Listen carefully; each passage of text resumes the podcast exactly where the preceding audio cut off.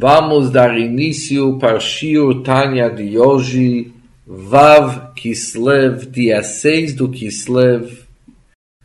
O Shio Tanya de hoje começa na página 312, no meio da página, palavra Masheenken, e termina na penúltima linha com as palavras de Odzot.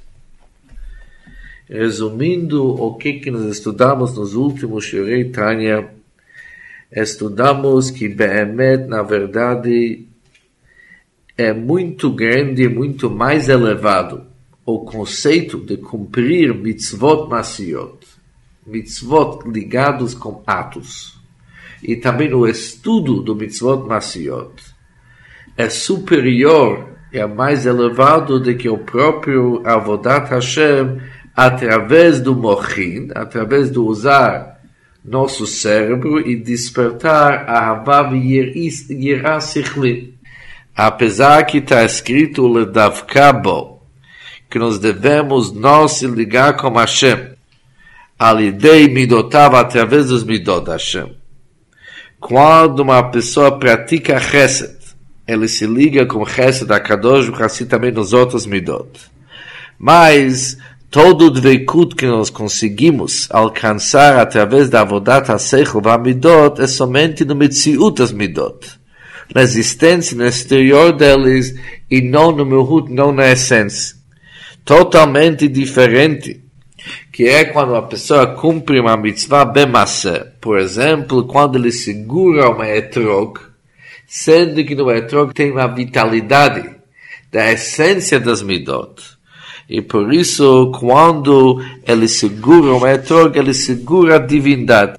Totalmente diferente. No Avodah Ruchnit, quando a pessoa estuda, por exemplo, Seder Ishtalshalut, mesmo quando ele tem a Sagat HaMetziut, mas isso aqui ainda ele não alcança aquele que ele é capaz de alcançar através de uma mitzvah massid que está ligado com Mehut.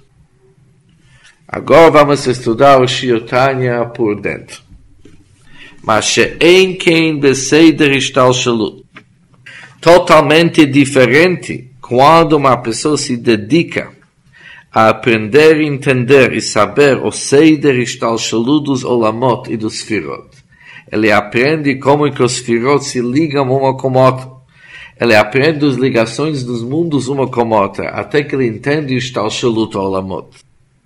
É totalmente diferente daquele que ele entende o Kavaná Vesod HaMitzvah. Quando ele entende o segredo da mitzvah, também está ligado com Mehut.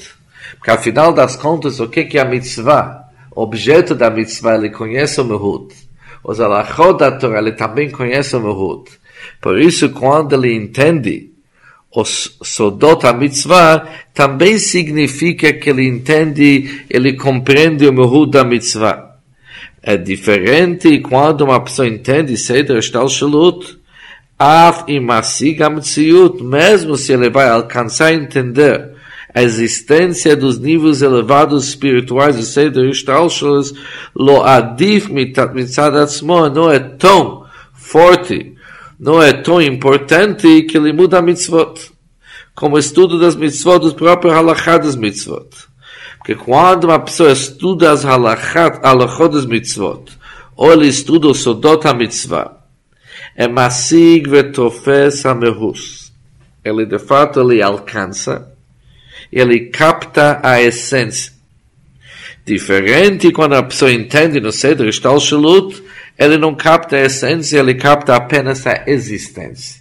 Que a existência comparado com entender e captar a essência do assunto é Hitzoniut exterior.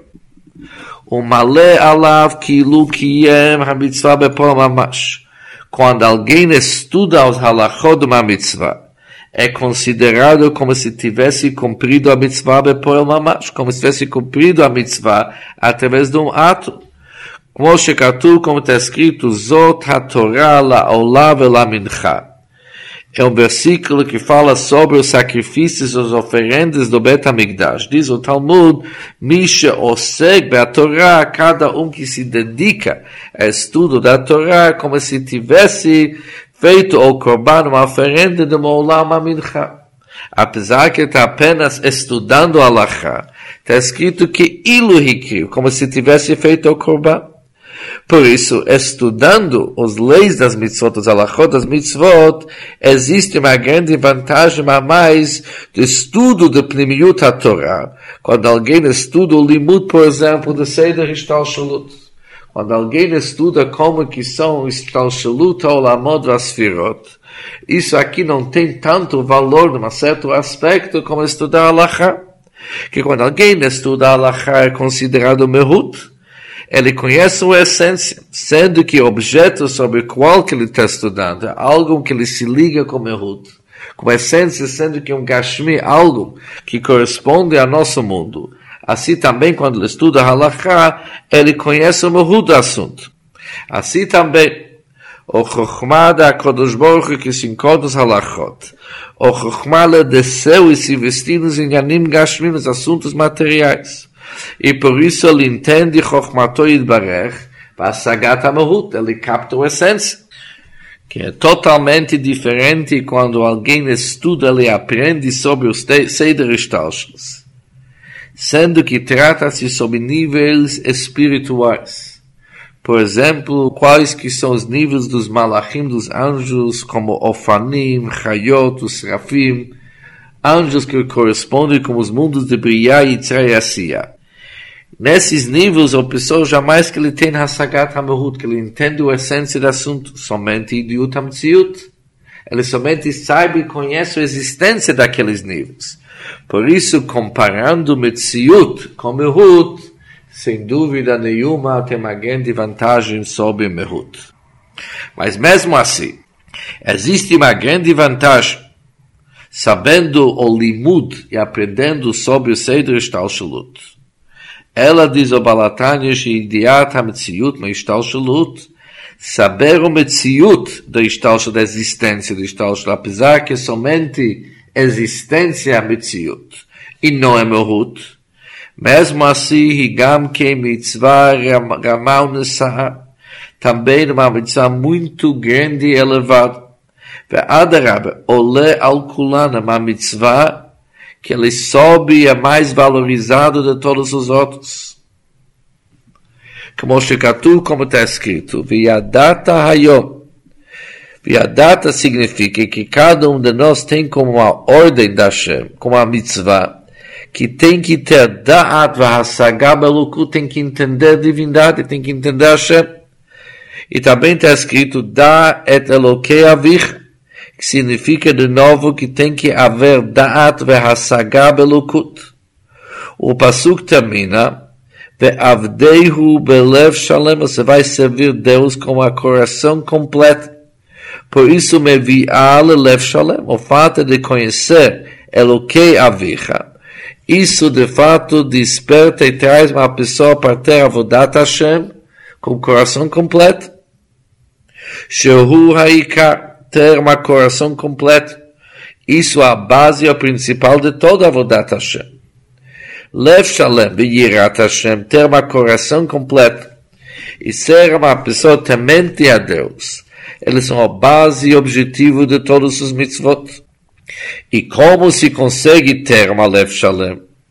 Como se consegue ter Yirat Hashem? Isso é somente através de Yediad Vasagat Seder Ishtal Shalut quando uma pessoa entende os Sfirot, os Olamot, as ligações entre Sfirot e Olamot. Apesar que é somente uma ideia vasagat hamtziut, ele somente sabe a existência. Mas justo esse ideia dos assuntos do Cedro Shtal Shulut é o que, que traz a pessoa para ter Yirat Hashem. Vasagat hamtziut, quando se fala que para entender o Metziut, ולהפשיט העניינים לגשמיותם, é para desvestir os conceitos espirituais daquele gasto de materialidade, ou seja, a pessoa tem que ganhar a forma de entender os assuntos de uma maneira espiritual. E mesmo que são assuntos que são afastados do Gashmiut, do Geshem, do material, a pessoa consegue entender. E justo essa forma de entender no Seder Shtal Shalut é aquele que traz a pessoa para ter Yirat Hashem. רק שזו sendo que mitzvah de viadata hayom, a mitzvah de terma yidi'a והשגה בלוקות היא מצווה אחת, apenas uma mitzvah dos tayag dos 613 mitzvot. והאדם צריך לקיים הפסוע, ele tem que cumprir todos os 613 mitzvot. לפי שאין השתלשלות המהוד החיצוניות הכלים דצילות קונפורמס ודמוס אנטס אז מצוות אם השתלשלות נון דו מציאות מייז דו מהוד האסנסיה דו חיצוניות הכלים דצילות. פוריסו צריך להרבות בלימוד כל התייג מצוות כדאום ele deve aumentar, deve acrescentar o estudo sobre todos os 613 mitzvot, ele saber a de todos os mitzvot. E que o man marcha ele deve cumprir todos os mitzvot na prática. במחשבה, דיבור ומעשה, tanto em pensamento, fala e ato, שהם בריאה, יצירה, עשייה, כי מחשבה, דיבור ומעשה, lhes corresponde com בריאה, יצירה, עשייה. Conforme conhecido, מחשבה está no mundo do brilhar, דיבור está no mundo de Yitzirá, e Masé está no mundo da Asiya. E o motivo que tem que aumentar no estudo de todo o Tayag Mitzvot Torah. E o motivo que tem que cumprir todos os mitzvot é levarer birurim asher sham, para de fato conseguir fazer todo birurim, elevar todas as centelhas divinas que se encontram nos mundos do Briá e Tzeirasiá, conforme que estudamos antes, que birur anitzotzot é o tachlit, é o objetivo do Seder Ishtalshalut. E com isso terminamos o Shirtanya de hoje, onde nós aprendemos a grande vantagem do estudo da Lachot da Torá, que eles estão ligados com Behut, com essência, também no Sodot da Torá, ligados com os mitzvot individuais, sendo que a pessoa conhece o mitzvah, o objeto da mitzvah ele conhece pela essência, também no Sodot da Torá ele consegue o Behut, diferente do Seder Ishtal Shalut, aonde que ele somente alcança Metziut. Mas no mesmo tempo aprendemos que para chegar no Yirat Hashem, ser temente a Deus, é importante cumprir o mitzvah de Vyadat Hayom, que somente através de entender o Seder Shtalshalut, que a pessoa consegue Lev Shalem Vyirat Hashem. E com isso termina o Shiotanya de hoje.